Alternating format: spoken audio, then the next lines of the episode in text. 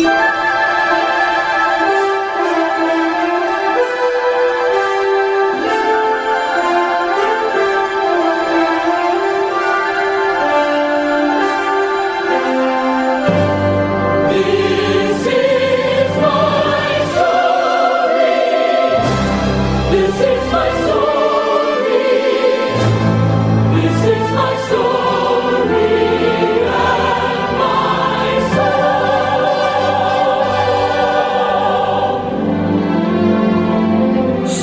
Sejahtera pendengar Big On Air.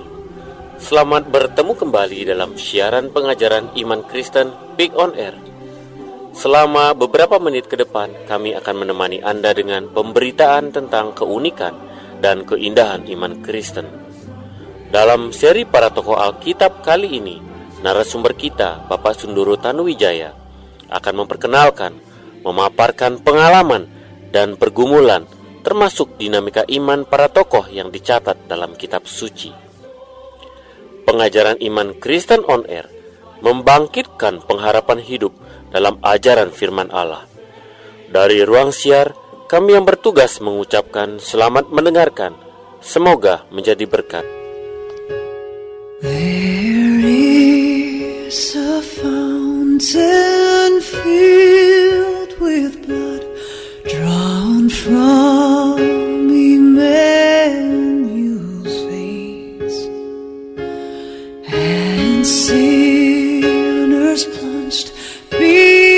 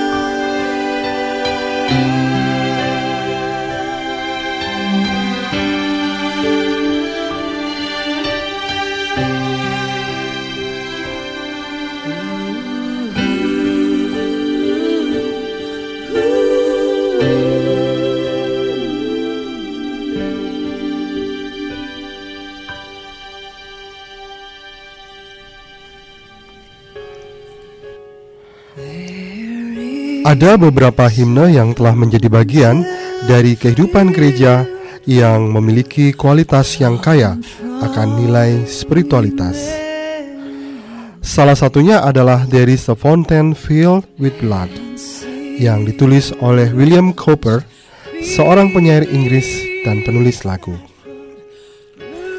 William Cowper lahir di Inggris pada tanggal 15 November 1731. Dia sangat beruntung karena dilahirkan di rumah seorang pendeta Inggris, sementara ibunya berasal dari keluarga termuka di Inggris. Sebagai seorang anak, Cooper dididik di sekolah swasta dan di Westminster School. Kemudian dia mendapatkan gelar sebagai ahli hukum. Dengan gelar tersebut, ia kemudian lulus ujian lalu mendapatkan lisensi untuk praktek sebagai pengacara di pengadilan yang lebih rendah dari sistem peradilan di Inggris. Terlepas dari segala prestasi intelektualnya, William Cooper mengalami kelemahan fisik dan emosional. Dia sangat sensitif di sepanjang masa kecilnya. Salah satu trau pengalaman traumatis yang memberikan kontribusi pada ketidakstabilan emosionalnya adalah kematian ibunya ketika ia baru berusia enam tahun dia tidak dapat mengatasi kesedihan yang dia alami sebagai anak kecil. Hal tersebut mengantui kehidupannya sepanjang hidupnya. Dia tidak pernah berhenti berduka untuk kematian ibunya.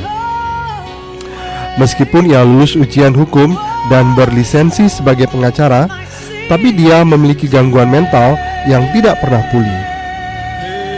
Akibatnya, dia tidak pernah menjadi pengacara, tetapi lebih suka studi dan menulis sastra. Dia bahkan pernah berupaya bunuh diri, tapi gagal. Oleh karena itu, dia pernah dirawat di sebuah rumah sakit jiwa selama 18 bulan. Selama dirawat di rumah sakit jiwa dan menderita depresi yang mendalam, dia menghabiskan banyak waktu untuk membaca Alkitab.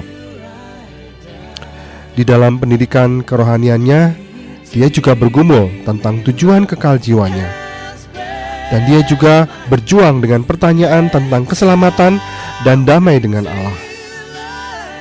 Suatu hari saat membaca kitab Roma, ia berhadapan dengan kata-kata Rasul Paulus di dalam Roma 3 ayat 23 sampai 25. Sementara mengakui kebutuhannya akan penebusan melalui darah Kristus, juru selamat yang besar, William Cooper merasakan hubungan pribadi dengan Kristus dan merasakan pengampunan dosa. Pada saat itulah dia bertobat di usia 30 tahun pada tahun 1764. Setelah pemulihan atas depresi mental, William Cooper tinggal di rumah seorang penginjil yang bernama Morley Yunwin. Di sana ia menerima dorongan spiritual dan perawatan yang sangat sabar di tangan pendeta Yunwin dan istrinya Mary. Setelah lima tahun, pendeta Yunwin pun meninggal. Lalu atas saran pendeta John Newton, Ibu Yunwin, janda pendeta Yunwin, memutuskan untuk bersama keluarganya pindah ke Olney, Inggris. William Cooper pun diajaknya. Mereka kemudian menjadi gereja mereka kemudian menjadi jemaat gereja Anglikan yang digembalakan oleh pendeta Newton yang merupakan penulis himne Amazing Grace. Newton dan Cooper keduanya adalah penyair yang sangat berbakat dan penulis dari puisi-puisi rohani. Perpaduan dan upaya kreatif mereka menghasilkan Olney Hymns yang terkenal. Buku himne yang berisikan 349 himne ini menjadi salah satu kontribusi paling penting di dalam ibadah dan musik gerejawi di kalangan kaum Injili.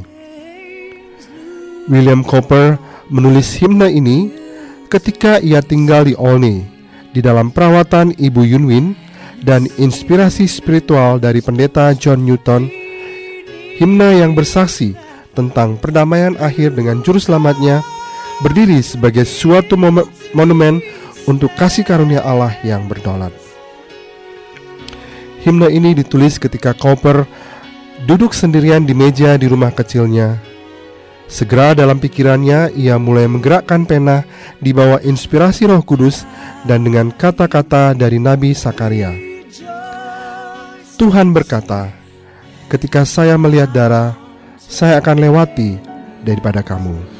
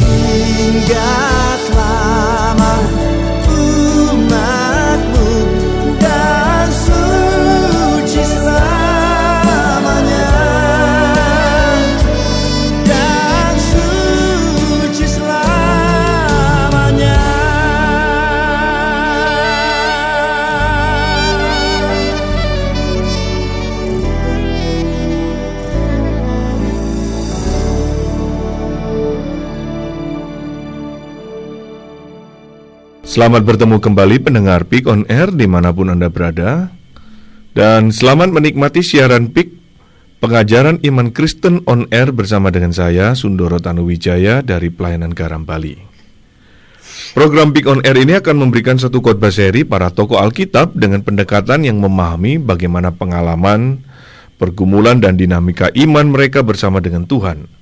Kiranya nama Tuhan kita Yesus Kristus dipermuliakan. Pada malam hari ini kita akan melihat satu sosok yang bernama Miriam. Miriam saudara Harun, Miriam yang juga saudara daripada Musa. Miriam adalah adik daripada Harun tetapi kakak daripada Musa. Saya mengajak pendengar Pick on Air membuka di dalam kitab suci saudara di dalam bilangan pasal yang ke-12. Bilangan pasal yang ke-12 kita akan mencoba melihat pelajaran-pelajaran yang Tuhan munculkan di dalam kitab suci ini melalui kehidupan Miriam.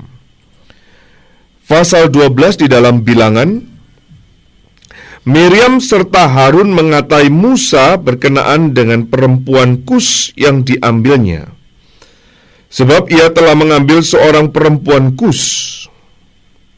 Kata mereka, Sungguhkah Tuhan berfirman dengan perantaraan Musa saja? Bukankah dengan perantaraan kita juga ia berfirman?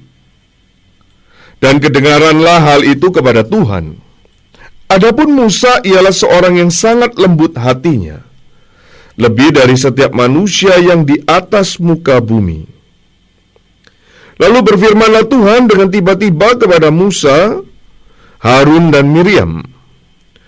Keluarlah kamu bertiga ke kemah pertemuan, maka keluarlah mereka bertiga. Lalu turunlah Tuhan dalam tiang awan dan berdiri di pintu kemah itu, lalu memanggil Harun dan Miriam. Maka tampillah mereka keduanya, lalu berfirmanlah ia dengarlah firmanku ini. Jika di antara kamu ada seorang nabi, maka aku, Tuhan menyatakan diriku kepadanya dalam penglihatan.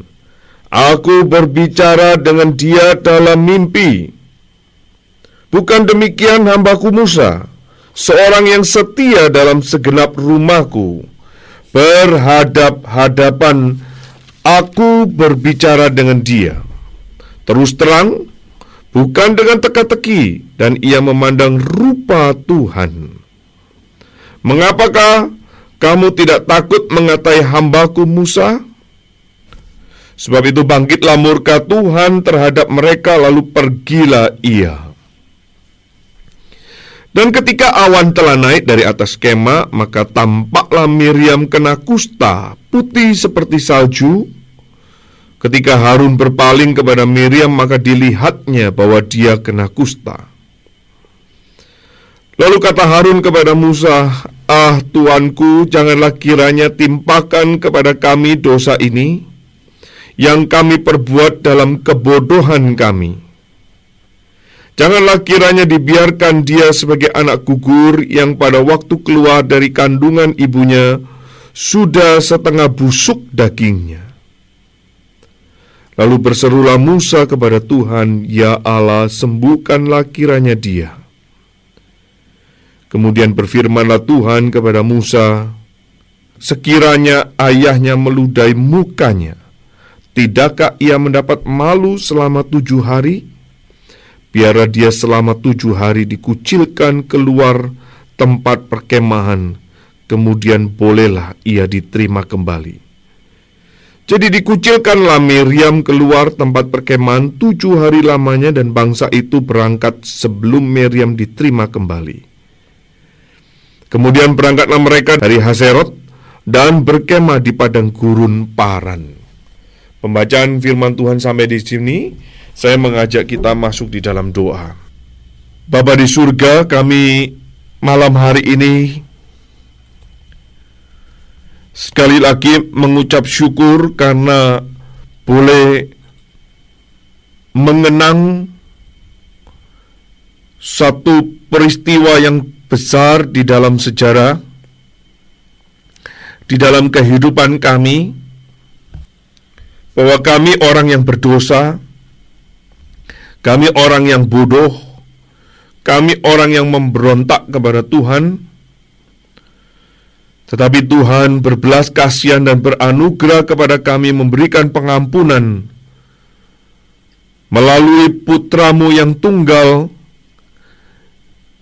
iman itu boleh kami boleh boleh dimunculkan di dalam kami dan kami boleh nyatakan itu sehingga kami dibenarkan karena iman kepada Kristus Yesus Tuhan kami. Bapa di surga, sekali lagi mohon belas kasihanmu untuk perenungan kami malam hari ini. Di mana pun hamba-hambamu, umatmu yang mendengarkan siaran ini kiranya Tuhan memberkati. Baik yang jauh maupun yang dekat, kiranya anugerah Tuhan turun Demikian juga atas hambamu yang kau tahu siapa dia, dan mohon kasih karunia daripada Tuhan yang cukup. Dengar doa sembahyang kami ya Bapa demi Kristus Yesus Tuhan kami berdoa. Amin.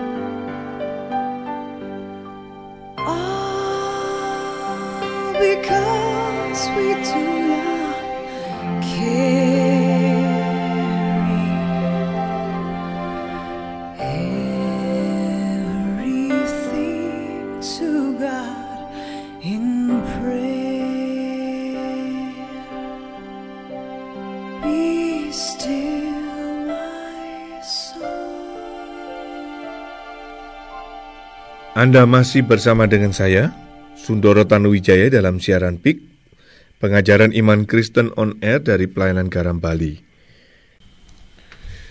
Kisah kehidupan Miriam ada di dalam beberapa tempat di dalam buku Pentateuch Keluaran pasal yang kedua itu pertama kali muncul Meriam yaitu ketika dia memberanikan dirinya mengikuti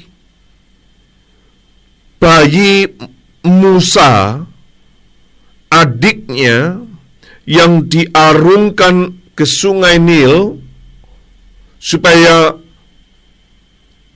terlepas dari ancaman pembunuhan pasukan Firaun. Dan Meriam kakak daripada Musa ini mengikuti keranjang. Waktu itu Musa ditaruh di keranjang dikasih tir, dilapisin begitu saudara-saudara. Karena sudah tiga bulan ke atas sulit karena bayinya makin besar. Maka sang ibu mengarungkan anaknya itu dan Miriam mengikuti dari belakang sampai bayi Musa ini ditemukan oleh sang putri Firaun sendiri. Dan kita menemukan di dalam keluaran pasal kedua, Miriam memiliki keberanian.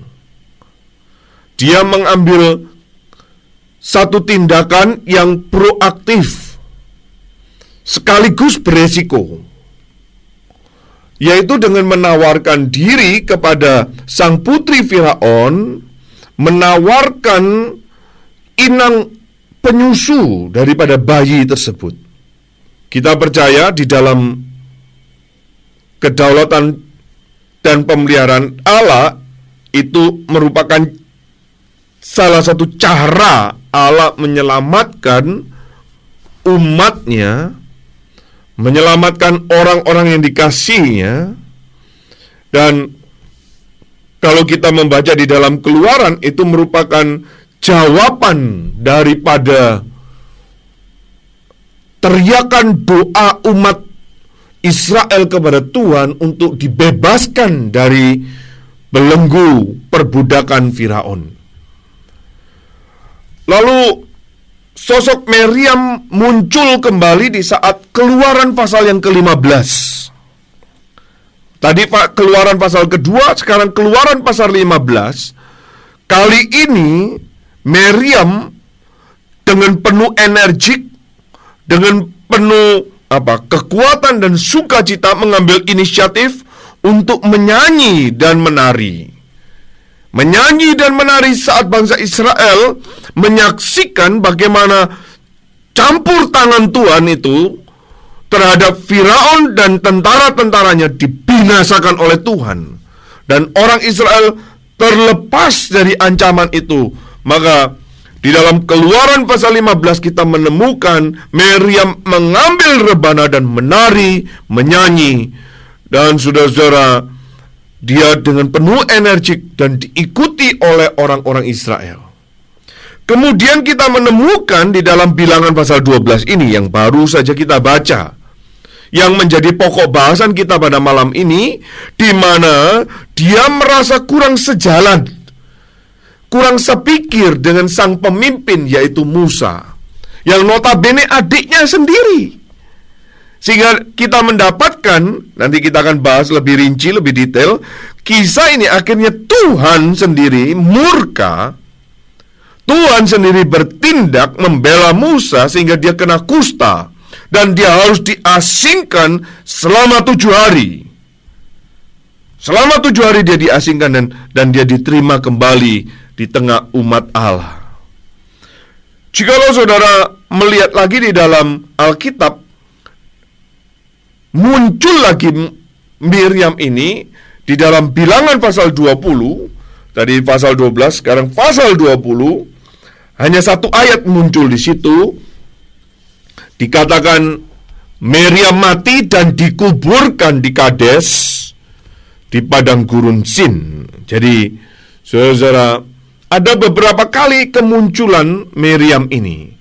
LAI memberikan judul kepada kita di dalam pasal 12 bilangan yang sudah baru kita baca tadi itu dengan memberikan judul pemberontakan Meriam dan Harun. Pemberontakan Meriam dan Harun. Tetapi mari kita lihat sama-sama apa sih sebetulnya persoalan utamanya sehingga Meriam ini memberontak. Nah, mari kita lihat saudara-saudara sosok daripada Meriam ini yang sudah dimunculkan di beberapa kali tempat Al Alkitab ini kita menemukan yang pertama keunggulan yang dimiliki oleh Miriam ini adalah Alkitab dengan jelas menggambarkan dia seorang yang quick thinker gitu ya. Dia orang yang berinisiatif, dia orang yang cepat berpikirnya, dia orang yang cepat mengambil tindakan di saat-saat genting ketika dia melihat putri Firaun itu menemukan bayi Musa, dia langsung dengan penuh keberanian mengambil atau menawarkan diri untuk seorang inang penyusu bagi bayi Musa. Ya, tentu, tentu kita percaya ada di dalam kedaulatan Tuhan itu pasti. Tentu itu adalah bagian providensia Allah, pemeliharaan Allah. Kita percaya itu. Tetapi kita menemukan bagaimana dia punya atau Miriam mempunyai keberanian untuk itu.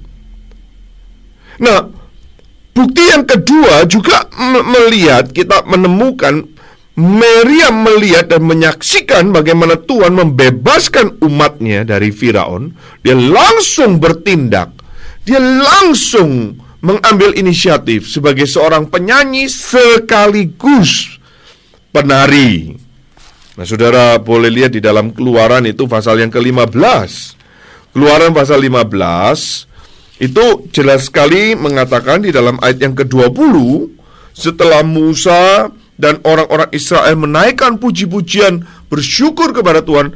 Lah, saudara lihat di dalam ayat 20. Lalu Meriam Nabia itu seorang perempuan Harun mengambil rebana di tangannya dan Tampillah semua perempuan mengikutinya Memukul rebana serta menari-nari Dan menyanyilah Miriam memimpin mereka Jadi Miriam ini memang ada figur pemimpin saudara-saudara Ada figur yang yang dominan Ada figur yang um, cukup cukup inisiatif orangnya Cukup proaktif Jadi posisi Miriam juga dimunculkan di dalam pasal 15 ayat 20 ini seorang nabi ya. Jadi dia seorang pemimpin umat Allah dan saudara kalau nanti baca di dalam Mika juga dimunculkan Tuhan menjadikan pemimpin uh, memanggil pemimpin orang Israel itu Harun, Musa dan Miriam. Jadi saudara-saudara, ini Miriam ini betul-betul orang yang memang memiliki kualitas saudara-saudara.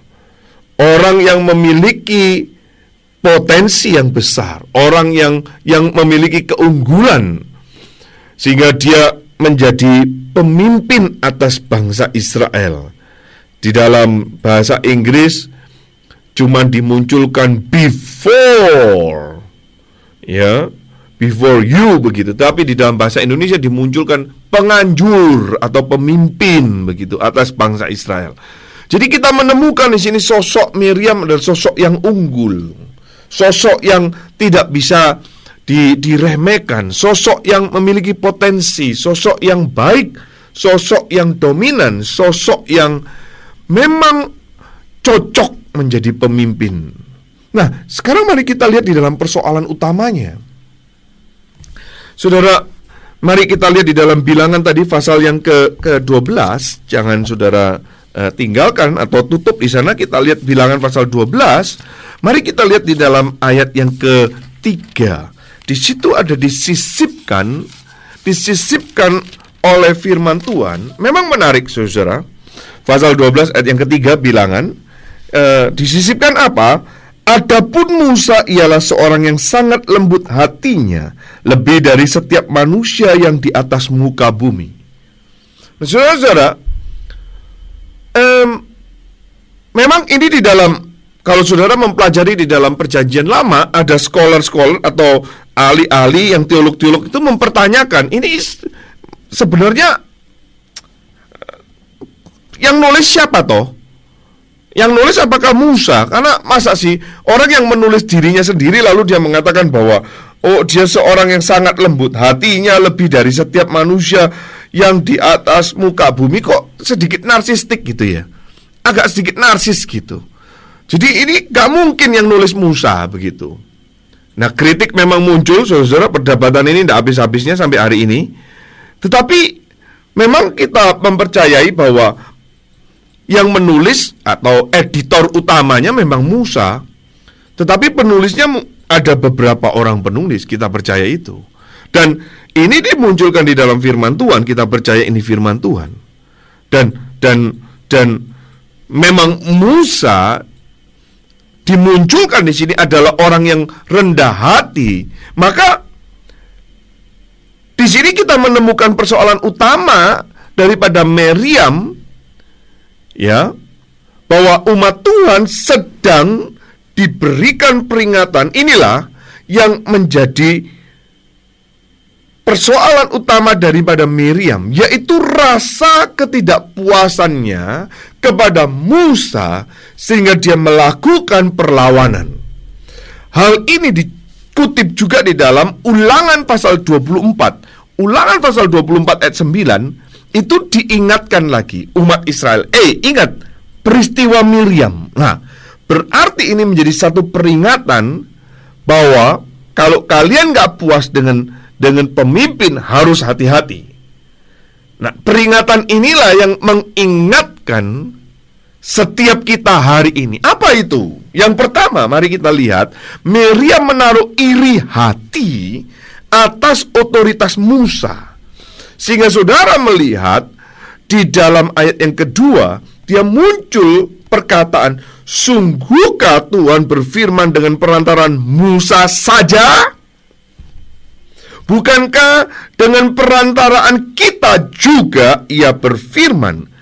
Itu di dalam ayat yang kedua. Tetapi kalau saudara di dalam ayat yang pertama, saudara muncul melihat yang dimunculkan oleh Miriam terhadap Musa adalah persoalan pernikahan Musa dengan perempuan Kus. Lah kan gak nyambung saudara ya. Kalau kita lihat ini kan gak nyambung. Ini persoalan istri kok, tetapi di dalam ayat firman Tuhan dimunculkan kenapa si Miriam mengatakan kok lewat Musa saja toh? Nah, saudara-saudara, ini ini ini aroma iri hati itu keras sekali. Nuansa mempertanyakan otoritas Musa itu sangat kental sekali sehingga dia mengatakan sungguh Tuhan cuman berfirman dengan perantaran Musa saja, bukankah dengan perantaran kita juga ya berfirman? Harusnya dia tidak komplain begitu kan? Dia komplainnya lu kenapa kamu ambil istri orang Kus? Apa kita nggak ada orang kita sendiri? Nah, bukankah juga ada hukum Tuhan yang untuk mengambil istri harus dari orang kalangan orang Israel sendiri? Tetapi saudara, memang persoalannya bukan di situ. Memang persoalannya bukan persoalan istri memang persoalannya ini bukan persoalan Musa mengambil istri yang kedua. Nah, Musa mengambil istri kedua itu juga sah karena istri yang pertama meninggal sudah. Ini mengacu juga perempuan-perempuan uh, uh, orang-orang Kus itu adalah orang-orang Ethiopia, tetapi orang Kus juga ada yang orang Kus Asia. Jadi kalau saudara lihat di dalam beberapa buku-buku perjanjian lama, saudara akan menemukan ada beberapa pendapat yang meyakini yang yang yang cukup bukti bahwa perempuan Kus Asia yang diambil oleh Musa sebagai istrinya bukan orang Ethiopia. Namun ini bukan persoalannya. Ini bukan persoalannya. Ini hanya selubung, ini hanya trigger, ini hanya covernya saja. Daripada persoalan iri hati atas otoritas Musa. Nah, saudara-saudara, manusia memang mempunyai kecenderungan iri hati terhadap sesamanya. Manusia gampang sekali iri hati dan iri hati ini tidak tidak tidak Saudara jangan pikir iri hati itu berlaku kepada hanya orang-orang biasa. Tidak, ini ini kepada pemimpin-pemimpin. Para pemimpin umat termasuk di dalamnya. Miriam ini pemimpin umat. Jadi saudara, eh, memang iri hati terhadap sesama ini memang eh, fragile dan bisa terjadi kepada siapa saja. Termasuk kepada saya, termasuk kepada saudara, termasuk kepada pendeta, termasuk kepada hamba Tuhan, penginjil, pemimpin-pemimpin kita. Nah, izinkan saya membagikan apa yang disampaikan oleh pendeta Dr. Stephen Tong. Apa sih penyebab iri hati? Penyebab iri hati di dalam diri manusia yang pertama adalah talenta yang kita miliki tidak sebanding dengan talenta yang dimiliki orang lain. Saat kita melihat orang lain itu memiliki talenta yang banyak, multi talenta apalagi, kita mulai membandingkan diri kita. Kita mulai melihat diri kita dengan orang lain, lalu kita mulai muncul rasa iri hati itu. Kita melihat, uh kok dia bisa begitu ya? Dia kok bisa banyak ya? Dia kok bisa ini, itu, ini.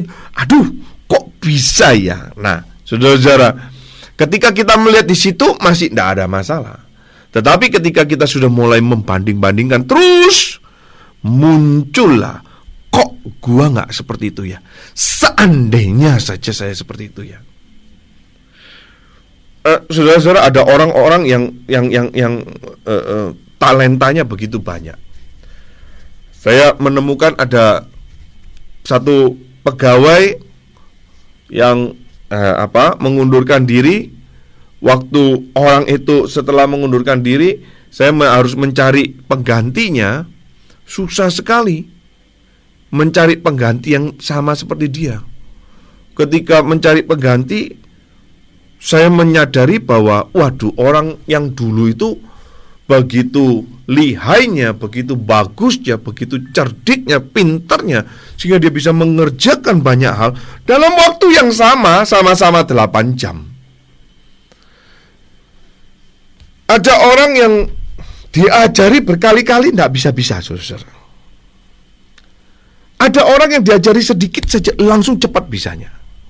Nah saudara-saudara kadang-kadang kita melihat ada orang-orang yang talentanya begitu limpah, begitu kaya Sebaliknya, kadang-kadang kita merasa diri, aduh kok nggak seperti dia ya. Nah di sini ini mulai muncul rasa iri hati. Yang kedua, iri hati, penyebab iri hati adalah keindahan, keelokan penampilan orang lain tidak seindah dengan penampilan diri kita atau sebaliknya. Kita melihat penampilan orang itu, waduh kok ganteng sekali ya, waduh kok keren sekali ya, waduh kok gagah sekali ya, waduh kok cantik sekali ya, waduh kok kok kok kok kok apa ya, enak gitu loh dilihat ya. Begitu lihat kita, waduh lain gitu loh. Begitu lihat diri sendiri, waduh kita langsung kecewa begitu ya. Begitu lihat sendiri, stres. Nah, di situ kita mulai iri hati. Di saat kita melihat orang lain lebih cantik, lebih ganteng, lebih indah, lebih elok dari diri kita, kita bisa saja terkagum-kagum sekaligus iri hati dengan orang tersebut. Sangat mungkin sekali. Sangat mungkin. Nah, penyebab yang ketiga adalah keuangan. Keuangan kita tidak semapan atau sekaya dengan yang dimiliki orang lain. Saat kita melihat orang lain begitu mudah mengumpulkan harta, dia kerja begitu pendek, tapi dapatnya menghasilkannya begitu banyak. Saya ini kerja begitu apa ini susah payah tiga perempat mati, tapi dapatnya ya segitu-segitu aja. Lalu kita mulai iri, muncullah benih iri hati itu. Ya memang gampang sekali, saudara, gampang sekali. Nah tiga hal ini memang membuat kita memang manusia gampang sekali. Dan ini pun yang juga pernah dialami oleh penulis Mazmur. Pemasmur pernah juga merasa seperti itu. Dia membandingkan dirinya dengan orang lain Bahkan dia membandingkan dirinya dengan orang yang lebih jahat lagi. Dia rasa ke orang fasik, orang jahat itu begitu gampang, begitu berhasil. Ini saudara-saudara, hati-hati ketika kita mulai muncul rasa iri hati itu. Nah, di dalam Alkitab kita menemukan banyak sekali kisah-kisah yang yang yang iri hati itu. Ya. Nah, nanti kita akan bahas lebih dalam. Lalu bagaimana? Lalu bagaimana? Jika muncul iri hati ini tidak disikapi, tidak dihadapi, tidak ditangani dengan baik, ini akan memunculkan rasa benci. Maka Miriam di dalam hal ini, saudara menemukan langsung Tuhan ikut campur tangan. Langsung diatasi oleh Tuhan. Nah, saudara-saudara bagaimana dengan saudara dan saya? Ketika mulai muncul iri hati, bagaimana sikap kita? Satu, mintalah keberanian dari Tuhan. Sekali lagi, mintalah keberanian dari Tuhan untuk menemukan kelebihan, kebaikan, keelokan, keindahan, kelimpahan, talenta-talenta bahkan kehebatan orang lain itu sebagai keistimewaan yang Tuhan anugerahkan kepada kita lewat orang itu. Sekali lagi saudara-saudara, mintalah keberanian untuk menemukan kelebihan, kehebatan, keelokan orang lain itu sebagai keistimewaan yang Tuhan anugerahkan kepada orang itu dan itu merupakan cara Tuhan memberkati saudara lewat orang tersebut. Nah, saudara-saudara, sekali lagi saya mau kutip dengan perkataan pendeta Stephen Tong seperti ini. Ini perkataan beliau. Orang yang tidak menemukan kebaikan orang lain dan hanya menemukan kesalahan orang lain adalah orang yang tidak akan pernah bisa maju. Bisanya kritik saja. Maka inilah yang dihadapi oleh Miriam. Miriam tidak bisa melihat kelebihan, keelokan, kelimpahan, keunggulan, kegagahan, kelembah lembutan Musa termasuk di dalamnya. Maka Miriam ya ini karena tidak bisa melihat itu dia akhirnya mengkritik saja. Nah saudara-saudara, kalau orang yang sudah biasa mencari kelemahan orang lain, dia tidak mungkin bisa menikmati kelebihan orang lain.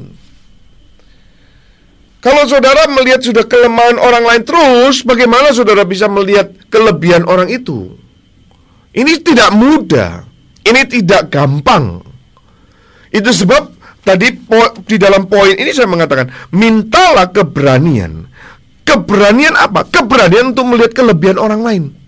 Dan kelebihan orang lain itu adalah anugerah Tuhan, keistimewaan yang Tuhan berikan bukan saja kepada orang itu, tetapi kepada kita lewat orang itu. Jadi saudara, ini ini ini yang terjadi oleh Miriam. Miriam tidak melihat bahwa Tuhan memakai Musa. Pemimpin utamanya adalah Musa. Tapi dia mengatakan, sungguhkah, sungguhkah Tuhan berfirman hanya kepada Musa saja? Nah, bukankah dia juga dengan kita? Jadi dia tidak bisa melihat kehebatan, kelebihan daripada Musa. Iri hati, saudara. Nah yang kedua, mintalah bijaksana dari Tuhan kalau tadi keberanian sekarang mintalah bijaksana dari Tuhan untuk memiliki iri hati yang suci. Iri hati yang suci itu bagaimana? Nah, sekali lagi saya izinkan saya meminjam pikiran daripada pendeta Dr. Stephen Tong yaitu menemukan kerajinan keuletan usaha orang itu dan pengorbanan yang dilakukan oleh orang yang memiliki kelebihan itu. Jadi saudara jangan bukan cuma melihat kelebihannya, tetapi saudara harus harus harus melihat di balik kelebihan itu ada keuletan pengorbanan yang tidak kecil. Kerajinan, usaha, kerja keras yang begitu luar biasa di balik daripada apa kelebihan-kelebihan dan keberhasilan itu. Jangan sekedar melihat keunggulan dan kelebihannya nanti saudara bisa iri, tetapi saudara harus harus menemukan di balik itu. Di balik itu dan itulah yang harus kita iri. Iri hati yang suci. Iri hati yang suci menemukan bagaimana anugerah Tuhan itu dinyatakan kepada orang itu dan bagaimana orang itu berharap, bekerja keras, berkorban, mati-matian, luar biasa uh, keluangkan waktunya, ngototnya. Nah di situ kita harus iri. Kalau saudara cuma iri dari hasil keberhasilannya, hasil akhirnya, saudara ini yang yang yang yang bahaya akan muncul kebencian dari kebencian akan ingin menggagalkan, ingin membunuh. Tetapi mari kita iri di balik keberhasilannya itu. Jadi saudara-saudara Marilah kita dengan hati yang menyikapi satu satu sikap ya uh, satu sikap iri hati agar jangan terjadi sesuatu yang lebih buruk dalam kehidupan kita. Alkitab sudah mengajarkan itu. Kain dan Habel muncul dari iri hati. Dan akhirnya tragedi pembunuhan terjadi. Tragedi. Saul iri kepada Daud. Sehingga dia berusaha beberapa kali membunuh Daud. Tetapi justru Saul yang akhirnya rugi. Rugi besar, saudara-saudara. Iri hati menimbulkan kebencian, kebencian memunculkan pembunuhan. Ini ini kita menemukan. Maka apa yang dilakukan oleh Miriam ini menjadi satu kebahayaan terhadap kepemimpinan maupun otoritas Musa karena dia iri hati sebetulnya. Nah, saudara-saudara, mari kita belajar jujur di dalam diri kita. Mari kita belajar eh, peka dengan pimpinan Tuhan. Eh, nanti kita akan belajar uh, poin yang berikutnya adalah tidak tidak tidak tidak salah dengan mengkritik, tidak salah dengan kritik. Tetapi kritik yang dasarnya apa? Nah, ini yang menjadi persoalan. Kalau kritik sudah dasarnya iri hati, ini yang bahaya. Nah, kita akan rehat sejenak, kita akan melihat poin yang kedua setelah itu daripada persoalan utama yang dihadapi oleh Miriam ini. Selain iri hati, atas otoritas Musa. Mari kita dengarkan satu pujian berikut ini.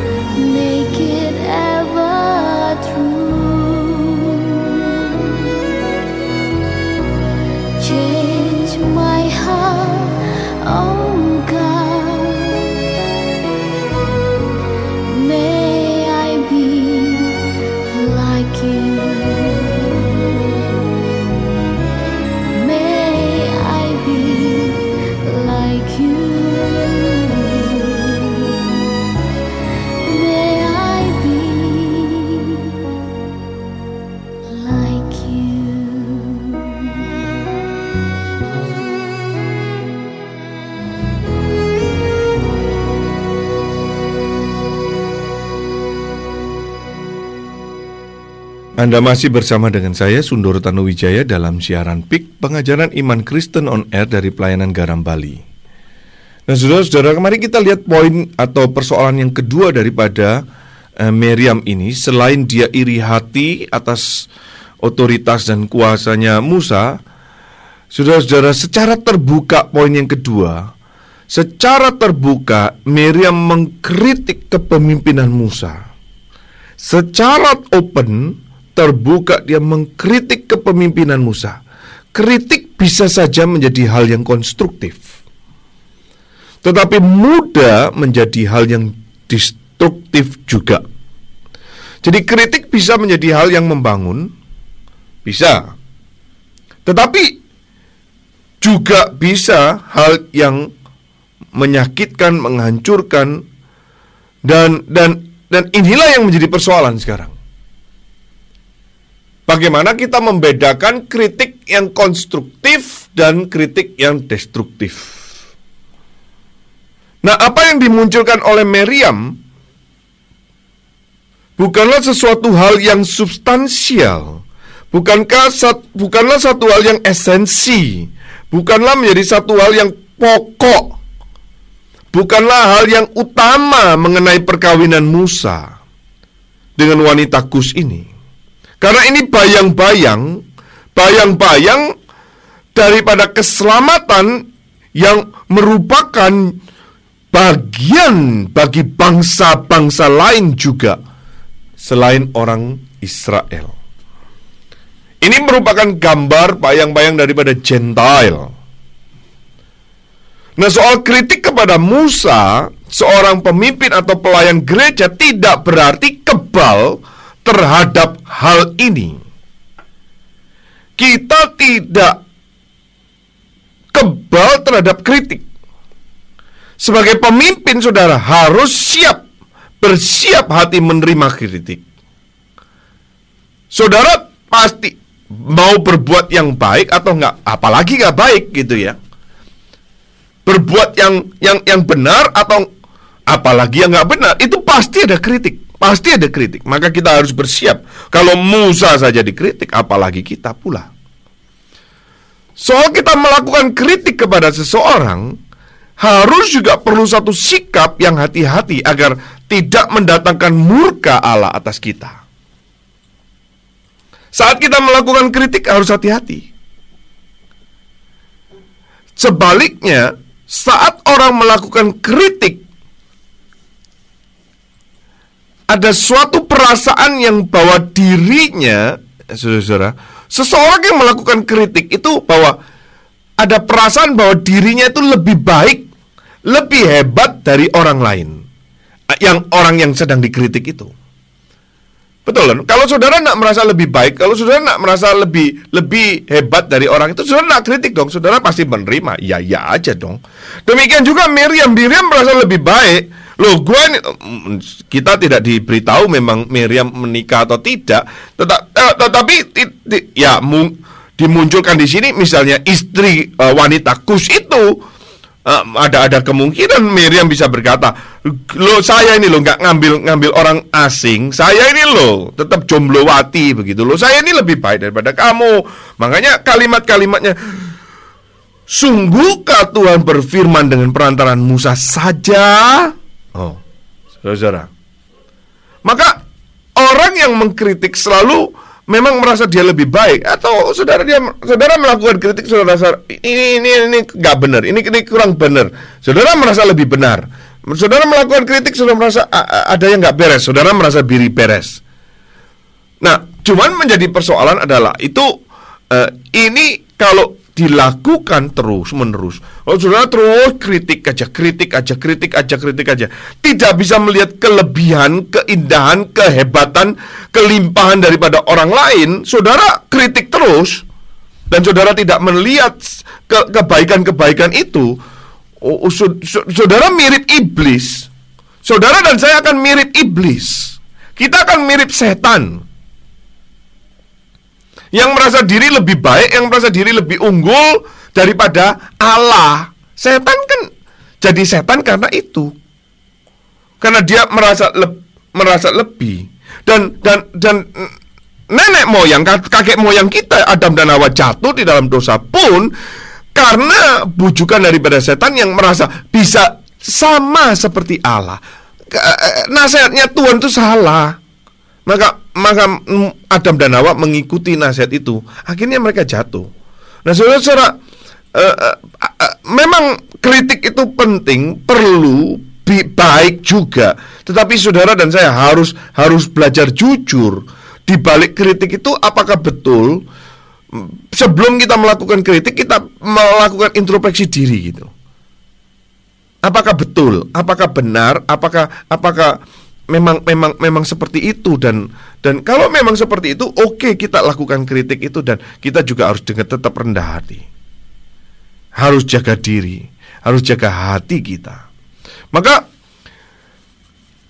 ya, saudara-saudara, kalau saudara tanya kepada saya Sundoro zaman gini, hari gini kamu bicara apa rendah hati, tidak kritik, bagaimana mungkin?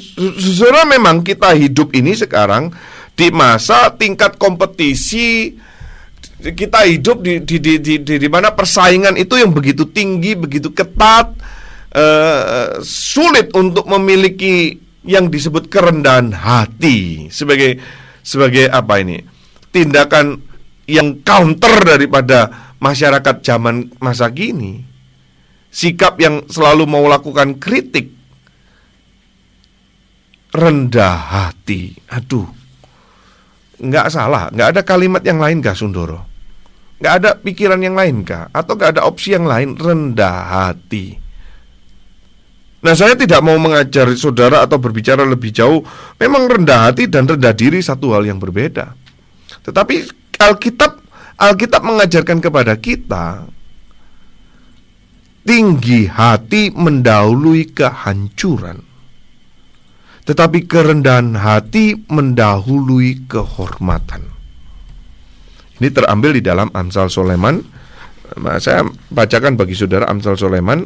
Saudara baca juga di dalam Alkitab saudara pasal 18 Amsal Soleman pasal 18 ayat 12 Mengatakan begini Tinggi hati mendahului kehancuran Tetapi kerendahan hati mendahului kehormatan Di dalam terjemahan yang lain Sombong mendahului kehancuran Keangkuhan hidup mendahului kehancuran. Tetapi kerendahan hati mendahului kehormatan. Nah, saudara-saudara, ketika saudara dan saya dikritik, kita tetap jaga hati. Kalau memang dia memang lebih baik atau lebih benar, ya kita harus mengakui, harus ya, poin saya yang pertama tadi berani melihat kelebihan orang lain. Nah, seseorang yang tinggi hati sulit melihat kelebihan orang lain, justru gampang melakukan kesalah perhitungan, salah mengerti atas kekuatan diri sendiri dengan orang lain. Dengan demikian dia wajar, wajar saja akhirnya dia hancur. Wajar saja akhirnya dia ronto, akhirnya dia gagal. Karena apa? Dia salah salah perhitungan, salah mengerti, salah kalkulasi. Dia rasa dia lebih baik, eh nggak taunya nggak lebih baik. Saudara, ada seorang pemimpin yang mengatakan kalau ada yang lebih baik ya jangan pilih saya. Kalau ada yang lebih baik pilih yang itu. Kalau ada yang lebih baik, oh, itu kalimat itu sepertinya sombong, tetapi justru kalimat itu yang yang yang menunjukkan kerendahan hati. Kalau memang ada yang lebih baik dari saya, silakan, silakan jangan pilih saya. Nah, pemimpin yang seperti ini berbeda dengan yang tadi Miriam lakukan. Miriam melakukan emangnya Tuhan berfirman kepada dia saja.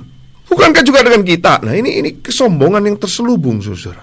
Akhirnya dia hancur. Akhirnya dia, saudara, uh, uh, uh, uh, ya ambruk sendiri. Yesus Kristus datang dengan penuh kerendahan hati. Yesus Kristus tidak menganggap kesetaraan dengan Allah itu sendiri sebagai milik yang harus dia pertahankan. Maka Allah Bapa memberikan kemuliaan dan kehormatan dari selama-lamanya sampai selama-lamanya. Satu sosok pribadi yang berbeda, Saudara. Nah, ini ini ini yang pertama. Bagaimana kita mengcounter saat ada orang melakukan kritik. Ataupun kita juga melakukan kritik kita harus jaga. Jaga tetap rendah hati. Alkitab mengajarkan kepada kita di dalam Injil dikatakan pikulakuk ini perkataan daripada Tuhan Yesus sendiri. Pikulakuk yang kupasang dan belajarlah padaku karena aku lemah lembut dan rendah hati dan jiwamu akan mendapat ketenangan. Nah, sekali lagi saudara, ini saudara akan mengatakan lu kok baunya narsis gitu ya, narsis sekali. Tidak, memang karena realita faktanya demikian, Kristus ya Kristus pribadi yang lemba, lemah lembut, rendah hati dan dan dan dia mem, bukan overconfident, bukan confident yang self confident yang yang tidak ada dasar. Dia mengatakan belajarlah, belajarlah padaku.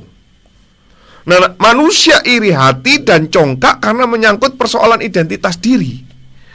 Dia sedang terganggu dengan orang lain dia membandingkan dengan orang lain, dia melihat identitasnya terganggu karena ada orang yang lebih unggul, ada orang yang lebih bertalenta, ada orang yang lebih berkarunia, ada orang yang lebih kaya, ada orang yang lebih elok, sehingga dia terganggu identitasnya. Maka bicara soal rendah hati, kita akan sulit belajar dengan orang lain. Apalagi dengan diri kita, diri kita sulit untuk rendah hati. Itu sebab Yesus Kristus mengatakan, "Belajarlah padaku, belajarlah kepadaku." Yang tanpa kehilangan identitas dirinya sebagai anak Allah, justru dia menunjukkan keteladanan hidup yang sejati kepada kita tentang kerendahan hati dan kelemah lembutan, bagaimana rencana dan kehendak Allah itu dinyatakan. Nah, saudara-saudara, ini penting sekali. Saya eh, kita melihat manusia kalau dia bergaulnya dengan dengan Spider-Man, ya dia, akan akan akan mulai memikirkan dan mulai mencontoh meneladani Spider-Man dan gaya-gayanya akan seperti Spider-Man. Tetapi kalau kita mau bicara rendah hati, mau belajar dari siapa? Dari siapa? kecuali daripada Kristus. Nah, menarik sekali saudara di dalam Alkitab Filipi pasal 2, saya membacakan Filipi pasal 2. Saya mengajak saudara melihat di dalam Filipi ya pasal yang kedua ayat yang ketiga. Filipi pasal yang kedua mengatakan begini, saudara. Filipi pasal 2 ayat yang ketiga mengatakan begini. Dengan tidak mencari kepentingan. Saya baca dulu ayat yang sebelum sebelumnya ya. Jadi karena dalam Kristus ada nasihat, ada penghiburan, kasih, ada persekutuan roh, ada kasih mesra dan belas kasihan. Karena itu sempurnakanlah sukacitaku dengan ini. Hendaklah kamu sehati sepikir dalam satu kasih, satu jiwa, satu tujuan. Dengan tidak mencari kepentingan sendiri atau puji-pujian yang sia-sia. Sebaliknya, hendaklah dengan rendah hati yang seorang menganggap yang lain lebih utama daripada dirinya sendiri. Saudara-saudara, tidak mencari kepentingan sendiri atau puji-pujian yang sia-sia, sebaliknya hendaklah dengan rendah hati yang seorang menganggap yang lain lebih utama daripada dirinya. Nah, ini tidak ditemukan di dalam Miriam. Miriam tidak dia merasa diri lebih baik, mengutamakan orang lain dengan jalan belajar mencari kepentingan orang lain dan memberikan pujian kepada orang lain, melihat kelebihan orang lain, itu adalah latihan kerendahan hati kita. Nah, orang yang peka kepada dirinya sendiri, sensi tidak mungkin bisa mendahulukan orang lain karena dia merasa dirinya disakiti, merasa dirinya terganggu, merasanya di di di di, di, di, di nomor dua kan. Ya, sebaliknya orang yang peka kepada Tuhan tidak mungkin tidak mendahulukan kepentingan orang lain.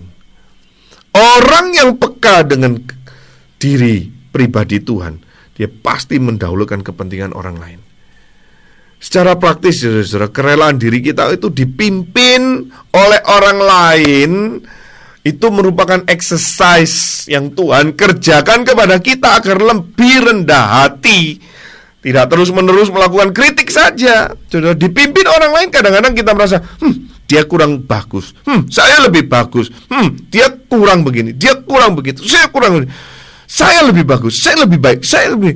Ya, saudara, kadang-kadang kita dipimpin, ya, ya, ya sudahlah, sudah, eh, eh, eh, kita ikutin, kita tunduk, kita belajar. Kadang-kadang memang ada pemimpin yang tidak lebih baik, tetapi kita juga mungkin tidak lebih baik daripada mereka. Nah inilah persoalan utamanya Miriam Dia iri hati kepada otoritas Musa Dia congkak dan merasa diri lebih baik daripada Musa maka Tuhan sendiri yang berespon dan murka kepada Miriam. Nah, saudara-saudara, um, saya mau akhiri dengan sesi yang bagian terakhir, tetapi kita mau dengarkan satu pujian, um, lalu kita akan melihat poin yang paling terakhir, bagaimana Kristus adalah sosok pribadi yang berbeda sekali. Dan Kristus tidak memikirkan kepentingan dirinya sendiri. Kristus tidak memikirkan misinya dia sendiri, tapi dia menjalankan misinya Bapa.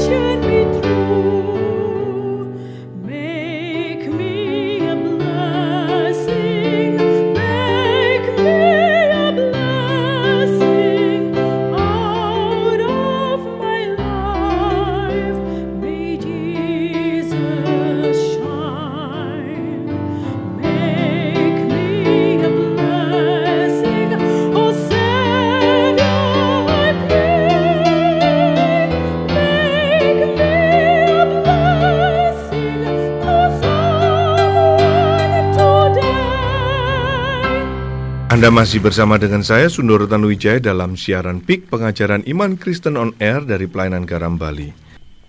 Sekarang saya mau kasih poin yang terakhir. Dari apa yang kita baca, eh, apa yang kita pelajari, apa yang kita renungkan malam hari ini. Miriam, Miriam itu adalah gambaran daripada kehidupan kita masa kini. Miriam ini adalah gambaran saudara dan saya. Miriam itu adalah gambaran orang-orang Kristen pada masa kini menghadapi tantangan serta kompetisi yang begitu besar, yang ketat. Bagaimana kita menghadapi persoalan-persoalan tapi dan kita tidak iri kepada apa yang ada di dunia sana. Dan kita mau belajar tetap rendah hati, saudara-saudara. Belajar tetap rendah hati. Tidak mudah, saya tahu tidak mudah. Saya pun harus terus melatih diri untuk itu. Dan saudara, poin yang lainnya adalah Miriam sangat kontras dengan pribadi Kristus. Pribadi Kristus Yesus Tuhan kita.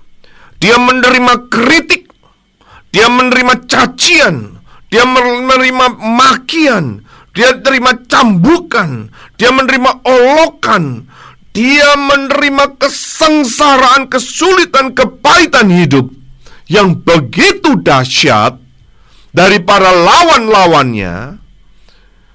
Dan di dalam Alkitab ditulis, Yesus diserahkan karena dengki, karena iri hati. Dia dibawa ke pengadilan Pilatus, tetapi pengadilan yang tidak adil dan dia tetap berakhir di atas kayu salib. Sekalipun dia tidak ditemukan kesalahan apa pun. Dia harus mati daripada seluruh bangsa yang mati. Karena imam-imam Kayafas, imam-imam mengatakan lebih baik mati satu orang daripada seluruh bangsa. Dia dikorbankan. Dia difitnah. Tetapi dia tidak membalas. Dia tidak membalas. Kristus adalah dirinya itu Allah sendiri. Dia adalah Allah itu sendiri. Tetapi saat yang sama ketika dia berinkarnasi, dia tidak memperhitungkan kesetaraannya itu. Tetap merelakan dirinya kepada kehendak Bapaknya. Dia tidak mengkritik balik kepada orang tua uh, uh, uh, bapaknya. Dia tidak mengkritik kembali kepada bapa. Tidak ada keluh kesah. Alkitab mencatat dia seperti domba yang akan dibantai dan tidak berkeluh. Dia memberikan dirinya untuk kepentingan umat pilihannya. Dia menyerahkan nyawanya untuk saudara dan saya sebagai umat pilihan dan ketebusannya. Satu pribadi yang berbeda. Satu pribadi yang yang kita kira dia kena kutuk. Yang kita kira dia kena murka Allah. Yang kita kira dia adalah orang yang layak patut dibinasakan. Tetapi tetapi saya mau tanya, apa yang dilakukan oleh Kristus setimpal dengan dengan dengan hukuman seperti itu? Dia yang rendah hati, Dia yang lemah lembut telah mendahulukan kepentingan hidup saudara dan hidupku. Dia rela mati supaya aku dan engkau tidak binasa. Dia rela turun ke bagian, ke strata, ke tingkat ekonomi yang paling miskin, supaya aku dan kamu boleh diperkaya karenanya.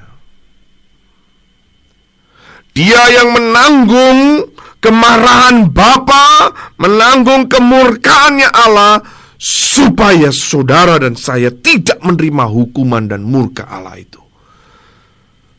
Dengan cara apa? Dengan cara dia memberikan dirinya mati di atas kayu salib. Saudara-saudara, pemimpin manakah yang seperti ini? Di dunia ini pemimpin mana yang mau mati untuk umatnya? Permisi tanya pemimpin yang di mana yang pernah hidup di dalam dunia ini rela mau mati mendahulukan umatnya. Jikalau saudara memikirkan Kristus, dia telah mencurahkan darahnya sendiri. Supaya melalui darahnya itu, darahnya itu, saudara boleh menikmati perdamaian dengan Allah. Melalui darahnya itu, dengan darahnya yang tercurah itu, saudara dan saya boleh menemukan pribadi Allah itu sendiri. Saudara-saudara, siapakah yang seperti Kristus? Pemimpin manakah yang seperti Kristus? Dia mengatakan, "Aku tidak menjalankan kehendakku." Aku tidak menjalankan kehendakku. Dia tidak mengatakan perkataan-perkataannya sendiri, kecuali itu yang menjadi kehendak Bapa dan perkataan Bapa, tindakan Bapa. Itu yang dia kerjakan. Sekarang pertanyaan saya adalah, tantangan saya adalah, maukah engkau? Maukah engkau memberikan dirimu untuk dipimpinnya? Maukah engkau memberikan hatimu untuk dipimpinnya? Maukah engkau menjadikan dia Tuhan dan Juru Selamatmu? Karena dia sudah mati bagimu. Dia yang menebus engkau dan aku. Dia sudah berkorban bagimu dan bagiku. Harusnya, harusnya engkau dan akulah yang harus binasa. Harusnya engkau dan akulah yang harus menghadapi murka Allah. Tetapi puji Tuhan, puji Tuhan, Miriam hanya mengalami tujuh hari saja kutuk itu. Musa memohonkan pengampunan atas Miriam, tetapi Kristus, Kristus bukan cuma sekedar memohonkan pengampunan. Kristus bukan cuma sekedar memohonkan pengampunan, tetapi dia justru mendamaikan saudara dan saya sehingga saudara dan saya memanggil Ya Aba, Ya Bapa.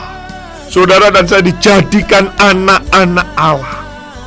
Dan Kristus bukan cuma sekadar mengampuni dosa, menjadikan saudara anak-anak Allah, dia juga memelihara, menjaga iman saudara, mendoakan saudara dan saya.